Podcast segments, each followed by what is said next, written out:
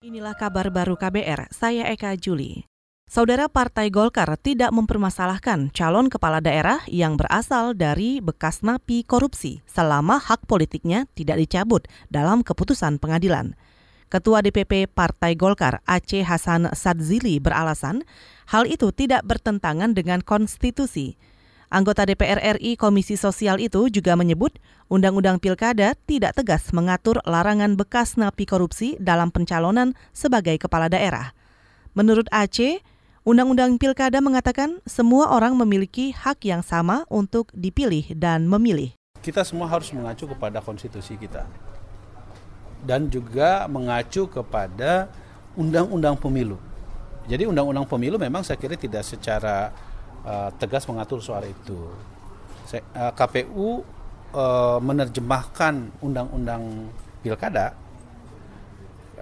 dan itu adalah merupakan tupoksinya dari KPU.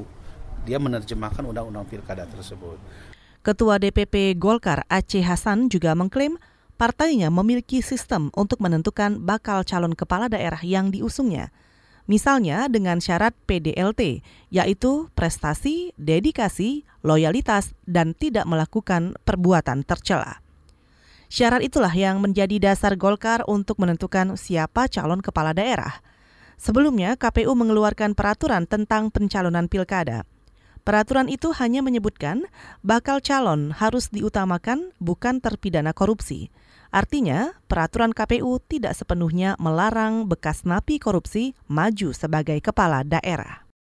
Saudara Komisi untuk Orang Hilang dan Korban Tindak Kekerasan atau Kontras mendesak pembentukan tim gabungan pencari fakta independen. Koordinator Kontras Yati Andriani menduga pengungkapan kasus penyerangan terhadap penyidik senior KPK Novel Baswedan yang tak kunjung selesai karena ada kekuasaan pelaku utama yang memengaruhi proses pengungkapan. Itu bisa jadi salah satu pilihan. Itu juga kan yang kami minta. Kalau Polri-nya takut gitu ya nggak berhasil nggak bisa dengan berbagai alasan uh, Presiden kan punya daya paksa punya otoritas uh, yang sangat legitimate untuk mengeluarkan satu keputusan politik agar uh, persoalan ini bisa diselesaikan dengan mekanisme-mekanisme uh, hukum yang tersedia termasuk di antaranya tadi dengan membentuk tim pencari fakta independen untuk kasus ini gitu. Koordinator Kontras Yati Andriani menambahkan, tak beraninya Polri mengungkap dalang penyerangan novel dapat memperburuk citra Korps Bayangkara. Apalagi Polri terus berjanji bakal menuntaskan kasus ini. Selain itu, Kontras juga mendesak KPK menempuh jalur hukum lainnya atas penyerangan novel dengan menggunakan pasal obstruction of justice atau menghalangi kerja Novel Baswedan sebagai penyidik senior KPK dalam pemberantasan korupsi.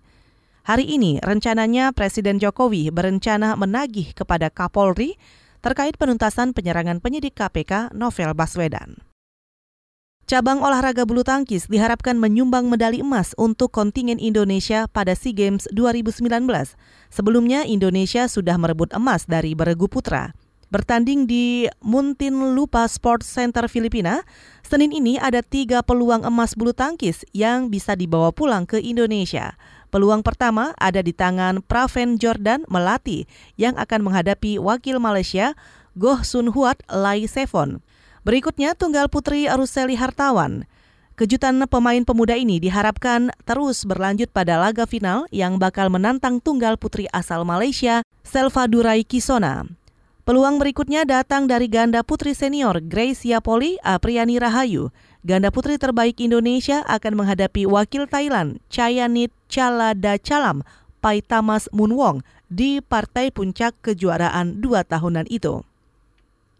Saudara empat pekerja tambang tewas dan satu orang lagi menderita cedera berat setelah batu terjatuh di sebuah tambang emas Afrika Selatan.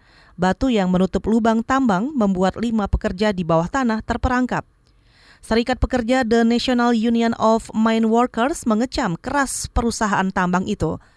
Penyebabnya tidak ada rute jalan untuk meloloskan diri ketika terjadi kecelakaan kerja. Ia juga menambahkan sekelompok pekerja yang dilatih untuk melakukan usaha-usaha pertolongan di bawah tanah tidak bertindak cukup cepat untuk menyelamatkan empat penambang itu. Serikat pekerja tidak memberikan bukti dan beralasan diberi keterangan oleh para anggota yang bekerja dan menjadi saksi di tambang itu. Perusahaan tambang Village Main Reef mengatakan tidak akan memberi komentar mengenai prosedur evakuasi sampai setelah investigasi selesai dilakukan.